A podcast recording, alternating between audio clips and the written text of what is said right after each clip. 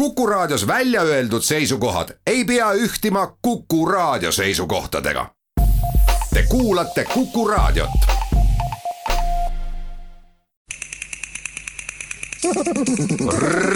reisirada. tere, Kuku Raadio kuulaja. seekordne reisirada viib meid soojale maale, millest mõned meist enne lumetulekut ehk juba tasahilju unistasid. seega reisirada vaatab ringi Tuneesias, kus ka praegu soojendab päeval päike, kuigi ööd kõrbes on muutunud juba külmaks.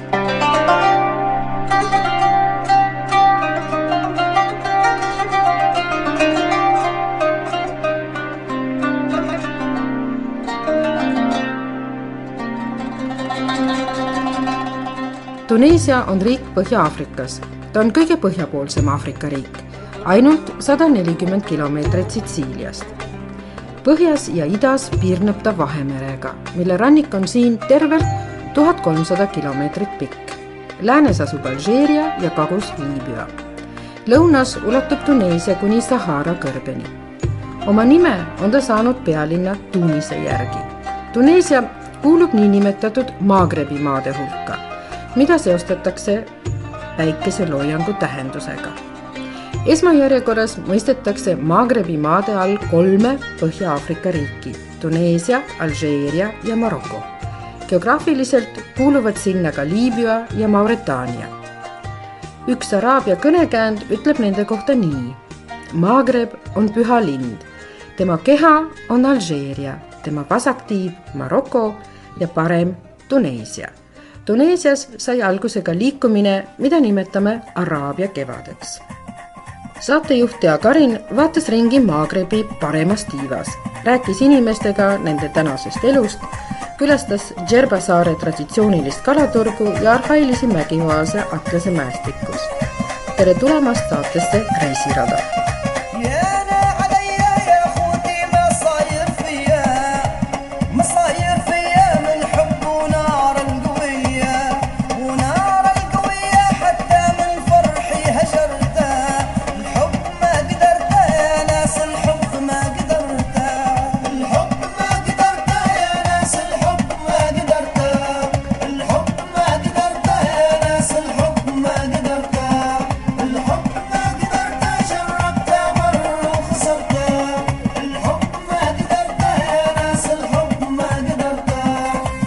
oma saja kuuekümne kolme tuhande kuuesaja kümne ruutkilomeetriga on Tuneesia näiteks kaks korda nii suur kui Austria Euroopa keskpaigas.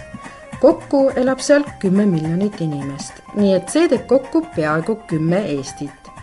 kõige suurem saar on Djerba, viissada neliteist ruutkilomeetrit. seal me maandumegi valgete majade ja siniste katuste keskel. kõigepealt turistide ja väljarändajate poolt avastatud Djerba saarele. Djerba lennujaamas on neil vastas Khaled. ta on töötanud veoautojuhina ja selles ametis sõitnud läbi mitmed maad. nüüd on ta tagasi oma kodumaal Tuneesias ja siin on ta õnnelik, ütleb ta. siin on ta perekond, siin on ta töö, siin on tema armastus oma kodumaa vastu. Täna näeb ta endas Tuneesia esindajat ja seda konkreetsetel põhjustel. Parce que vous, quand vous êtes arrivé à l'aéroport, est-ce que vous avez trouvé le président et le ministre du, du tourisme qui vous attend là-bas Non. C'est moi. Moi, je suis la miroir du pays de Tunisie. seepärast, kui te saabute Tuneesiasse, kas teil oli vastas president või turismiminister? Ei, see olen mina, kes teid vastu võtab. mina olen kogu Tuneesia peegel mina esindan neid, kes elavad paleedes, kui ka neid, kes töötavad teeninduses, neid, kes puhastavad autosid, töötavad kodudes. mina olen see, kes esindab oma maad. ja õhtul paneb Khaled oma pea padjale ja magab rahulikult, ütleb ta. ta annab oma parima nendele, kes tema maad külastama tulevad ja õhtul on ta lihtsalt väsinud. Je représente mon pays comme il faut, avec tous mes efforts. Comme ça, je suis content. J'ai gagné ma vie avec mon travail. Et je suis fier de mon boulot. Parce que j'ai gagné mon argent, je donne tous mes efforts aux gens qui sont invités chez nous. Je lui montre tout, les biens, et je vous conseille ma esindan oma maad nii, nagu peab, kõikide oma võimalustega. ja nii olen ma rahul ja ma olen uhke oma töö üle. ma annan kogu oma energia nende inimeste kasutusse, keda me siia kutsume ja ma näitan neile kõike, mida siin on ilusat, et nad tunneksid end siin teretulnutena. näitan neile, et vaadake, see siin on Tuneesia. aga enne, kui me heidame pilgu Khaledi maa minevikku, laulab ta ühe lühikese laulukese. Allah, Allah ja baba, Sidi Mansur ja baba, Allah, Allah ja baba. سيدي منصور يا بابا ونجيك نزور يا بابا الله الله يا بابا reisirada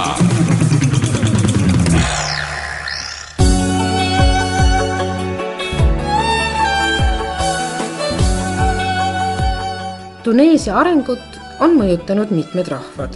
algselt asusid sinna berberid. aastal kaheksasada enne Kristust on märgitud ära foiniiklaste tulemine Tuneesia rannikuribale ning roomlased kaasasid ta oma Aafrika nimelisse provintsi ning nii pääses võimule kristlus.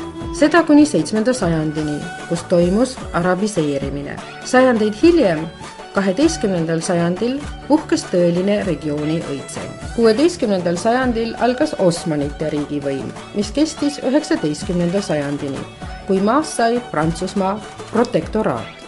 iseseisvuse sai Tuneesia tuhande üheksasaja viiekümne kuuendal aastal ning kahe tuhande üheteistkümnenda aastani valitses seal üks partei, Neo Destur RCD. See, mis kõlab nagu turismifirma nimetus, oli tegelikult teisel märtsil tuhande üheksasaja kolmekümne neljandal Habib Bourguiba poolt protestina loodud Desturi partei.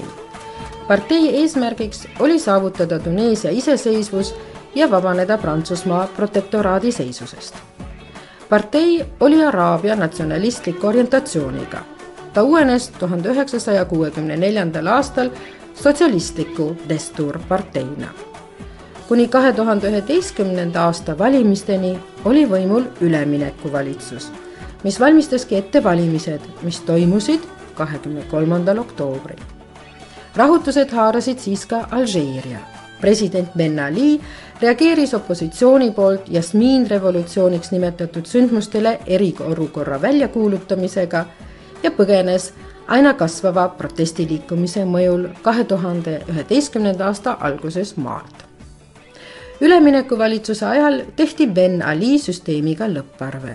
nagu öeldud, kahekümne kolmandal oktoobril kaks tuhat üksteist leidsid aset esimesed vabad valimised Tuneesias.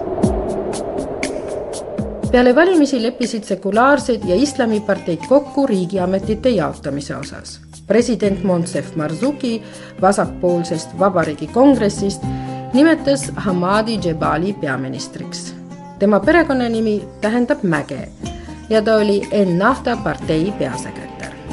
see partei oli kokku saja kuueteistkümnest parteist kõige tuntum ning oskas valijaid kõige paremini mobiliseerida, seda eriti vaesemates regioonides. Nad said ka hääli nendelt, kes ei soovinud islamistlikku riiki, aga näitasid sellega oma vastasseisu vana režiimi vastu kahe tuhande üheteistkümnenda aasta jaanuaris alanud revolutsiooniga avas Tuneesia nii-öelda Araabia kevade. enne seda tunti Tuneesiat kui sekulaarset näidisriiki teiste Araabia riikide seas.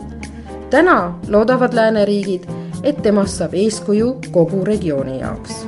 ning peaminister Jaibi kinnitab, et tuneeslased tahavad moderaatset islamisüsteemi, sellist, mis aktsepteerib neid, kes soovivad progressiivset ja moodsat riiki.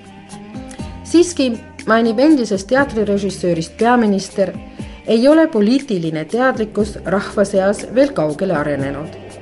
rahvas ei olnud revolutsiooniks küllaldaselt ette valmistatud.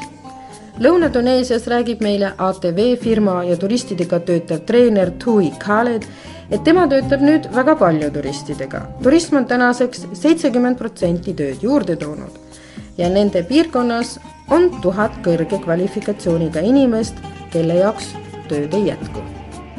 It's not easy to for the government after the revolution, after the big big problem economic we we found for the one so 100,000 people uh, employed to work is not easy. I, I, I feel that is not easy because I'm studying economy. You must be take take more more money, but we is now to you want to just to to continue the economy, not to because when we they encourage the investment for the uh, European uh, goal, the freedom for the revolution, uh, we change uh, different thing. valitsuse jaoks ei ole see pärast revolutsiooni ja majanduslikke muutusi lihtne.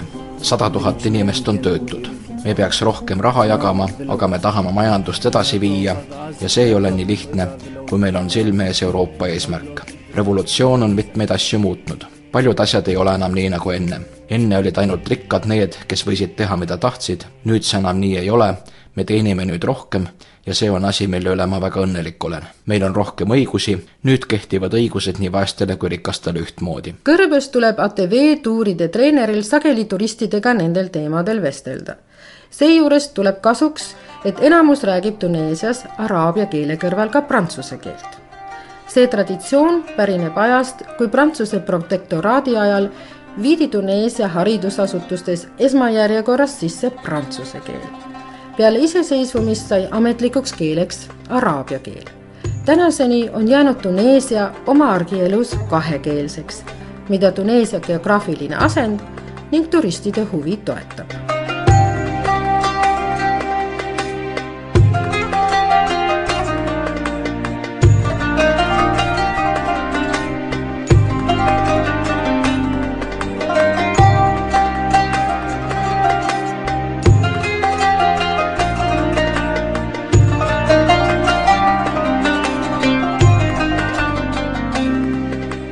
Djerba on Tuneesia tuntuim külastuspunkt. saare teine nimi on lootusevõitja saar. saare nimi Djerba pärinevad kunagisest Rooma linnast Gerba ehk Girba. enne roomlasi olid jõudnud siia numiidialased, foiniiklased, kartaagolased, neile järgnesid araablased, hispaanlased, türklased. Djerba on valge. heleda päikese käes on pikad valged maju ümbritsevad müürid pimestavalt heledad mõnedelt langevad alla lopsakad taimed hulgaliste punaste ja roosade õitega. väikesed kaarjad koputitega väravad, aknavõred ja metallsissepääsud on helesinised.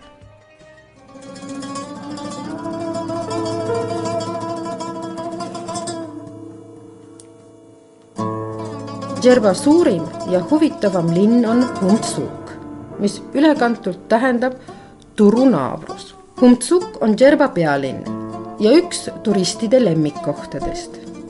just reede on see päev, kust läbi Turu tänavate voorib hulgaliselt rahvast. linnas ja selle ümber asuvates paikades elab kuuskümmend viis tuhat inimest. Humtsuk oli keskajal kurikuulus piraatide kindlus ja karavanitee viimane kauplemiskoht. paik, kuhu Lõuna-Aafrikast toodi kulda, elevandiluud ja orje täna on heleda päikese ja palavuse käes keraamika, metalltaldrikute, naha ja vaipade ja riiete vahel turul ringi liikudes seda raske ette kujutada. kaupluste riiulitel on kaussidesse, värvilistesse kuhjadesse kuhjatud kollakad, punakad, roosad vürtside mäed, oliiviõli metallpurgid parima kvaliteediga, nagu müüjad on varmad kinnitama, meelitavad Euroopa turiste siin on kollajuur, köömned, terav paprika, aniis, koriander, pipar ja tšilli. vürtsidel on Tuneesias aga ka teinegi tagapõhi, väidab müüja. Les Européens, vous avez maxé deux enfants, vous faites deux enfants. Nous, on va six, sept, huit. Grâce à ce poudre-là, du gingembre. On mange beaucoup de gingembre, on fait beaucoup d'enfants là. Gingembre ou bien larissa là eurooplastel on keskeltläbi kaks last, meil on siin kuus, seitse, kaheksa ja seda tänu sellele pulbrile siin, see on ingver. ja seda lisatakse ka harissale. teravamaitseline harissa pasta kuulub vaieldamatult Tuneesia argipäeva. seda Tuneesiast pärit teravat tšillipastat tuntakse terves Põhja-Aafrika köögis ning Tuneesia variant on kõikide seast kõige teravam. Harissa kuulub Tuneesias pea iga roa juurde, alates hommikustest täidetud võileibadest kuni õhtuse kuskussini välja. müüja Semi kaupluses number kuusteist selgitab hea meelega Tuneesia vürtside segusid, mis on suurtes valgetes anumates kuhjatud värvikateks teravatipulisteks püramiidideks. Semi selgitab, milliseid vürtse saab omavahel segada, mille juurde neid toitude puhul kasutatakse, et lisatakse tomatipastat ja oliiviõli ning siis sobib see pasta ideaalselt kasutada nii pitsa kui teiste roogade juurde. On appelle nous en arabe le mloukhia. Le mloukhia pour faire un sauce vert noir avec la viande de mouton. Dans euh, l'Europe, euh, en Europe, on est français, italien comme ça. Et tu trouves en feuilles comme les feuilles de la menthe. Ça ressemble les épinards, ça ressemble l'estragon comme ça. S'il n'y a pas de nom bien bien en français, il n'y a pas de nom français beaucoup. Ça. Le safran, c'est pas les fleurs, on a les, les vrais safrans, ça les fleurs safran tunisien, les fleurs, pas des fleurs du crocus, il y a les fleurs du crocus, il y a les fleurs du safran. Ça coûte même, ça coûte moins cher, ce qui est en France, ça coûte ça. C'est le safran en poudre, sentir le safran en poudre. C'est le safran en poudre. Et ça, le safran à curcuma. Pour les paillas, pour les riz, le safran à curcuma, ça, le safran à curcuma. Et ça, le cumin. Le cumin, on utilise beaucoup pour le poisson. see siin on oliiviõli rohelise pipraga, seda kasutatakse lambalihastoitude juurde. seda kasutatakse terves Araabia, aga ka Prantsusmaa ja Itaalia köögis, ta meenutab maitselt veidi estragoni. aga õiget nime tal prantsuse keeles ei olegi ja see siin on safran. see maksab siin vähem kui Prantsusmaal, see on safranipulber. siin on kurkum, köömned, väga aromaatsed sobib hästi kala juurde ja see siin on segu, mida kasutatakse grillimise juures. seejuures segatakse kokku erinevad vürtsid. nelja vürtsi segu sobib nii liha kui kala juurde. ja Semi annab oma vürtsikas Aarete kambris veel pikalt selgitusi. sellest lahkudes jäävad ninna meeldivad aroomid ja soov katsetada peatselt neid värvilisi vürtse toitude juures enne lahkumist võtame läbi veel kaneeli ja karripulbri. võtame läbi ka kvaliteediastmed. nii et kokkuvõttes on turukülastus silmade ja lõhnataju jaoks imeline ning targemaks saab ka. Cardamome, gingembre, noix de muscade, poivre, cumin noir et coriandre et poivre noir. Kui juba lõhnade juurde jääda, siis paar sammu vürtsidest säravad päikese käes lauakesel võluvalt värvilised pudelid. leti taga müüa suuremate ja väiksemate klaaspudelikeste ees. seal saab välja valida oma lõhnaõli, mis peale mitmeid proovimisi on küllaltki raske ja seal saab lasta endale täita vastava suurusega pudelikese. Ma spécialité, c'est la préparation des huiles essentielles naturelles. Donc, je fais moi-même des huiles essentielles comme fleur d'oranger. Ici, nous avons les jasmins euh, traditionnels, le jasmin blanc. Les roses de Damas, aussi c'est qualité supérieure. On peut utiliser comme produit alimentaire et produits cosmétiques parce qu'on peut trouver les huiles essentielles euh, de rose dans les meilleures crèmes, les meilleures recettes du, du maquillage.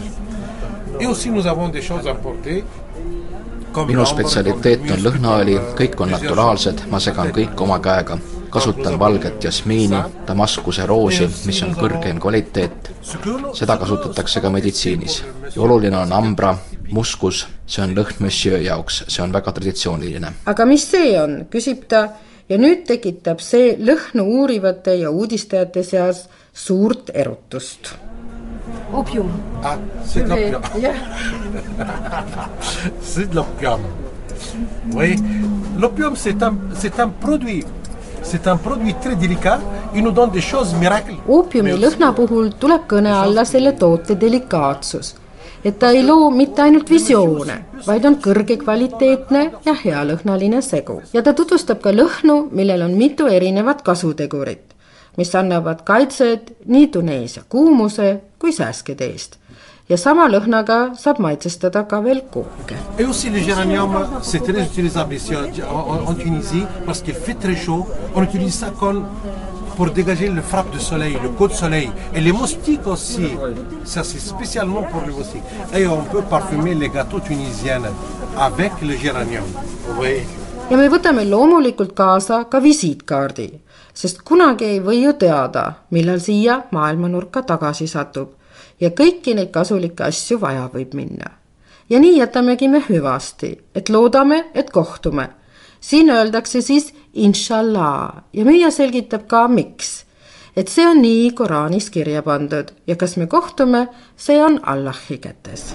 Donc inshallah, c'est textuellement c'est écrit dans notre Coran, il faut que le dire. Donc c'est pour ça. So, la prochaine fois. La prochaine fois, Inch'Allah, vous, vous venez ici.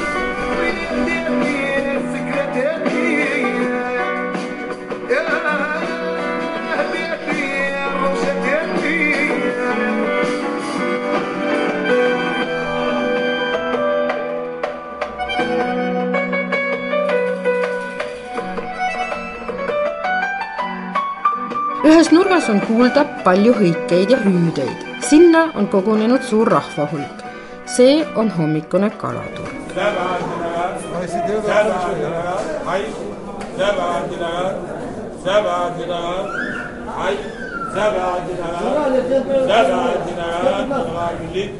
أربعة دينارات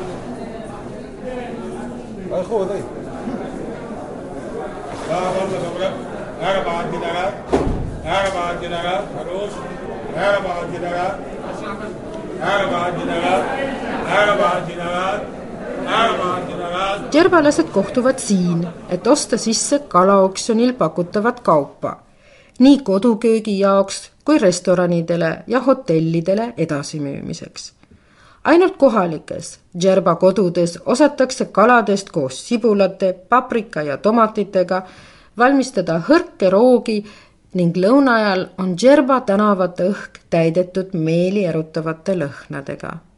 kalaoksjon viiakse siin läbi nii, nagu seda tehti juba sada aastat tagasi. värskelt püütud kalad aetakse nööri otsa ja tõstetakse kõrgele üles. siia juurde hõigatakse päevapakkumine, mis kaigub läbi kõrge laega ruumi ja üle kokkuostjate peade.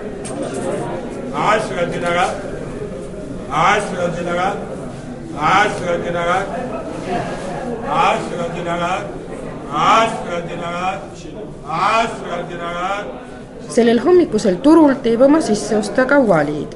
Peshee Walid lisab ta, Kalur Walid. S'appelle Walid. Walid. Walid. Peshee Walid. Peshee Walid, okei. kalurina töötab Walid juba viis aastat ning talle tema töö meeldib. Ah Va gagner bien l'argent à la marché de poisson, oui. Moi, il a acheté. Jah, ma olen väga rahul oma tööga, sellega saab korralikult raha teenida. Nendes kastides olevad kalad olen ma täna kokku ostnud. ma olengi tegelikult kokkuostja ja müün nad siis edasi. kõrgetel toolidel poodiumil istuvad oksjonimüüjad hõikavad hinnad välja ja siis otsustatakse, räägib les prix. Le prix du poisson. Ramener le poisson comme ça, ça fait, euh, moi, 10 dinars comme ça, 8 dinars, 8, 500 dinars, euh, comme ça, 10 dinars, ça c'est bon, c'est bon. Allez, ok. tema hüüab hinnad välja, see on kümme dinaari, kaheksa dinaari, see on minu jaoks väga hea hind. siis ma ütlen okei okay. turg algab hommikul kell kümme või pool üksteist, nii täpselt keegi Tuneesias aega ei võta. aga selle eest leiab värske kalaturg aset iga päev. Et on a vu des coq-costes. Pêche la marina, comme ça. Vous connaissez la marina? Elle comme ça. Beaucoup de bateaux, beaucoup de pêcheurs. Les gens, comme ça, les vendeurs, ils vont acheter le poisson et comme ça, les gens. Les gens achètent avec moi, ils vont commencer à préparer le poisson comme ça. Siis ma lähen alla sadamasse, seal on palju paate, sinna tulevad kalurid oma saagiga. sealt ostame meie veelgi kala kokku. ma ostan kilo näiteks kaheksa dinaari eest ja müün inimestele kümne dinaariga kilo eest edasi. nii see käib, voilà. Et ils vendaient les, les gens 10 dinars, 12 dinars, c'est comme ça. Voilà. reisirada. Džerba saarel sündinud Walid leiab, et siin on võrratu elada. see on magnifik, see Džerba saar. siin on võrratu, ütleb ta. see ei ole nagu pealinn Tunis, siin on tõeliselt hea. kõik, kes Tuneesiasse tulevad, tulevad ikka siia, kõik turistid ja ta kutsub külla vaatama kuidas tema Djerbal elab.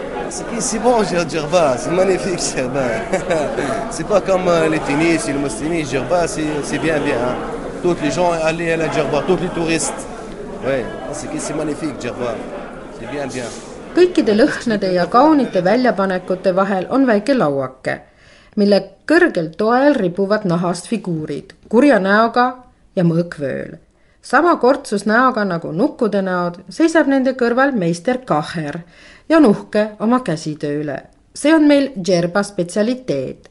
Need figuurid on pärit tuhande ühe öö muinasjuttudest. Need on Ali Baba ja nelikümmend röövlit. Ça spécialité de. L'histoire, de l'histoire de Mille et une nuits. Oui. Voilà. Ali Baba et euh, en grand histoire. kaheksa dinaari ehk neli eurot, pisikesed figuurid ja kümme dinaari suured, tutvustab meister Kaher.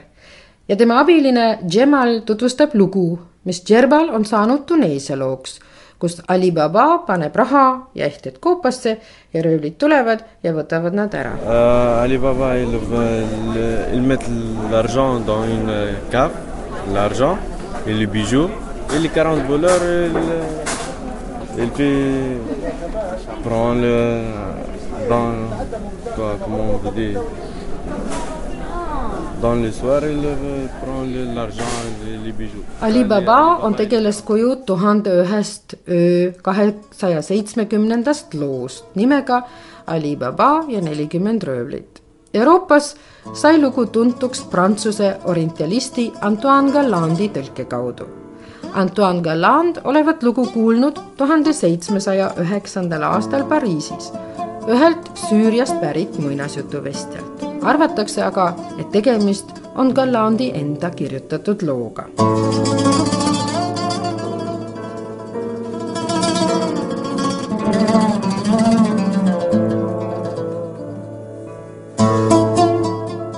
ühes Pärsia linnas elasid kaks venda. kui nende isa suri, jagasid nad varanduse ära, seda ei olnud palju, aga see võimaldas mõlemal abielluda ja oma elu alustada. Nad raiskasid aga kiiresti raha ära ja hakkasid paremast elust unistama. Ali Baba teenib elatist puuraidurina. Teel eesliga turule kohtab ta neljakümmet relvastatud röövlit, kes on karavani röövinud ning on minemas seda koopasse peitma. röövlite peamees astus koopa suu juurde ja lausus sõnad seesam, seesam, avane kui röövlid olid jälle välja tulnud ja minema rassutanud, ütles Ali Baba, see on võib-olla see võimalus, mida ma olen kogu aeg oodanud. nii astus ta koopa juurde, lausus sõnad seesam, seesam, avane ning astus sisse. koobas oli nagu võlukoobas, täis vaipu ja rätikuid, siidi ja nahka, anumaid ja kulda, hõbedat ja münte. seal oli vääriskive ja sahvranit, türkiise ja ametüste, koralle, smaragde ja safiire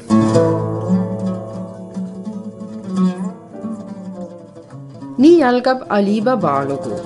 targa orjatari Marjana abiga õnnestub tal lõpuks neljakümne pealine röövlite kamp võita ning saada koopasse peidetud aare oma kätte. Marjana vabastatakse selle eest orjaseisusest ning pannakse Ali Baba pojapojale mehele. muuseas, arv nelikümmend ei tähenda Oriendis sugugi mingit konkreetset numbrit, vaid tähistab lihtsalt seda, et röövleid oli palju Euroopa kultuurilugu on Alibaba muinasjuttu mitmel erineval viisil mõjutanud. Seda motiivi kasutas näiteks Johann Strauss oma operetis Indigo.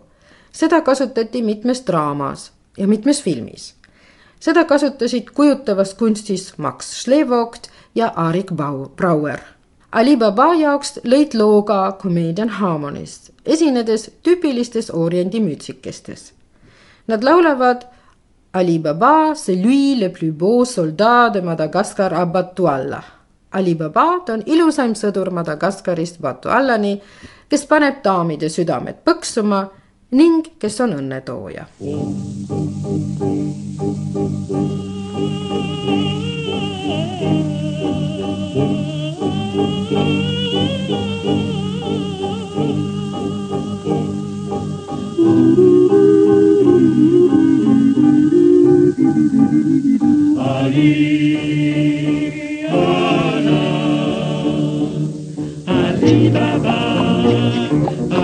Les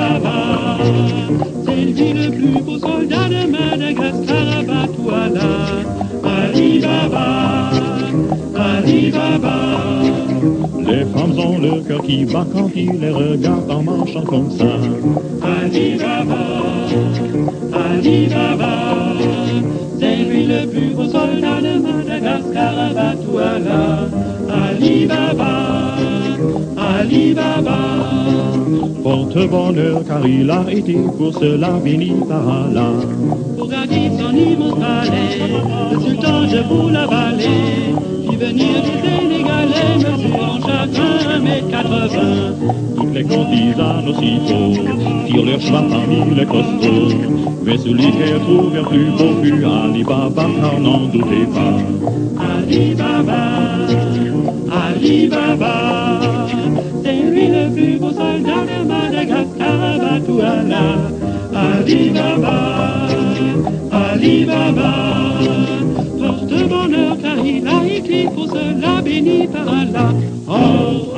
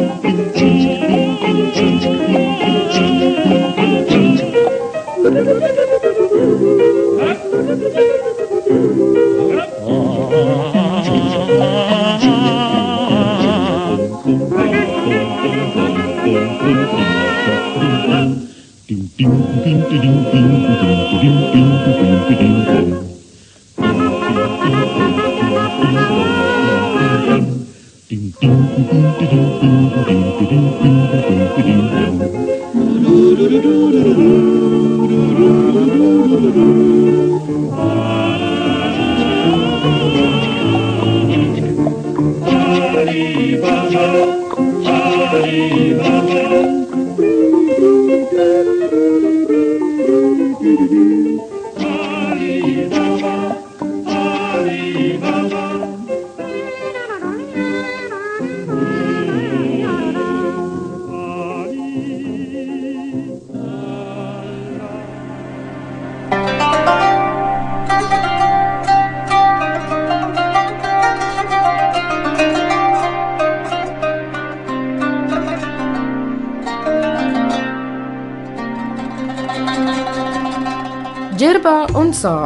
kus ühe hotelli kõrval on kohe teine, kus vahetevahel tundub, et turiste on rohkem kui liivateri kõrbes. ja siiski elavad Djerbal edasi ka traditsioonid. Nendest lähevad turistid aga sageli mööda. Nad sõidavad Miduni või Humtsuki, et osta Guelala külakeses keraamikat, mida saarel valmistatakse järgmisel päeval sõidame ka meie Djerbalt mandrile. sõidame üle pika niinimetatud roomlaste tammi. Tamm on seitse kilomeetrit pikk ja kümme meetrit lai. arvatakse, et Rooma tamm on isegi vanem, pärineb ehk isegi puunjalaste ajast. sajandite jooksul on tamm olnud üle ujutatud, kuueteistkümnendal sajandil turvalisuse kaalutlustel osaliselt purustatud ja pärast teist maailmasõda ehitati ta uuesti üles. tammiga paralleelselt jookseb muljetavaldav torujuhe. seal sees voolab joogivesi, millega varustatakse saart. Tuneesia tähendab mitmekesisust. seal on imeilusad liivarannad nii kaugele, kui silm ulatub.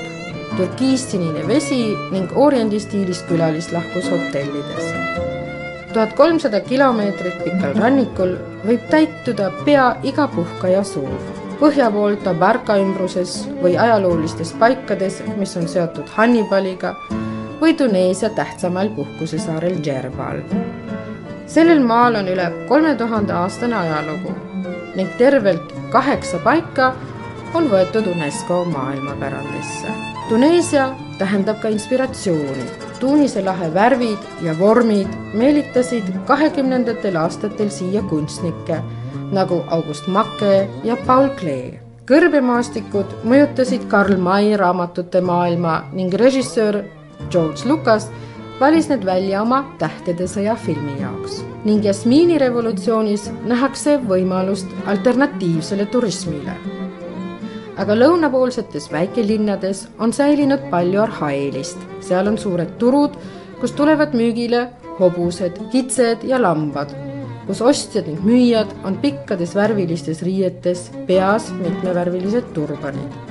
seal istutakse keset linnaväljakuid maas ja mängitakse täringumänge või õmmeldakse kaamelinahast pehmeid kingi või juuakse lihtsalt kuuma magusat piparmünditeed. ning sealt viivad teed kõrbesse, Saharasse, kus pikad dromedaaride karavanid õõtsuvad nagu sajandite eest läbi luidete, mille vahel vilksavad täna samas mööda ka kiired ATV-d. see kõik on tänane Tuneesia, kuhu reisirada tänasel päeval rändas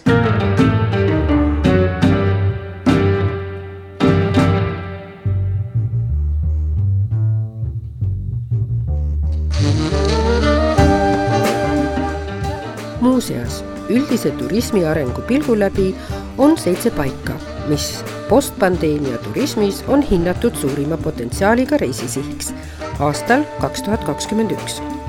ära on toodud Sloveenia, Filipiinid, Gruusia, Myanmar, Iraan ja Etioopia ning loomulikult Tuneesia oma kirdes asuva Kapooni poolsaare valgete randade ja pealinna kitsaste tänavate ajaloolise turuga on seal lõõgastust ja värvi ajaloohuvilistele võib tulla üllatusena. Muljetavaldavad varemete linnad Kreeka ja Rooma ajast, Sveitla, Elgem ja muidugi foiniiklaste rajatud Vahemeremaade võimsaim keskus Kartaago, kus päikeseloojangud on lummavad.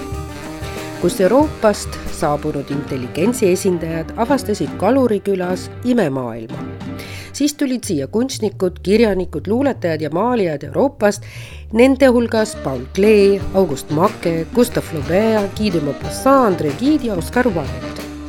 siis oli Sidi Bussaid ja Hammamet veel väiksed tähtsusetud külakesed, aga üliromantilised, millest kiiresti arenesid välja sihtkohad rikaste ja välismaalaste jaoks täna on saanud Sidi Bussaidis Tuneesia eliidi elamispaik valgete majade ja siniste ustega, mis oli koduks ka Tuneesia suurimale ja maailmas tähtsale moeloojale Azedin Alaiale.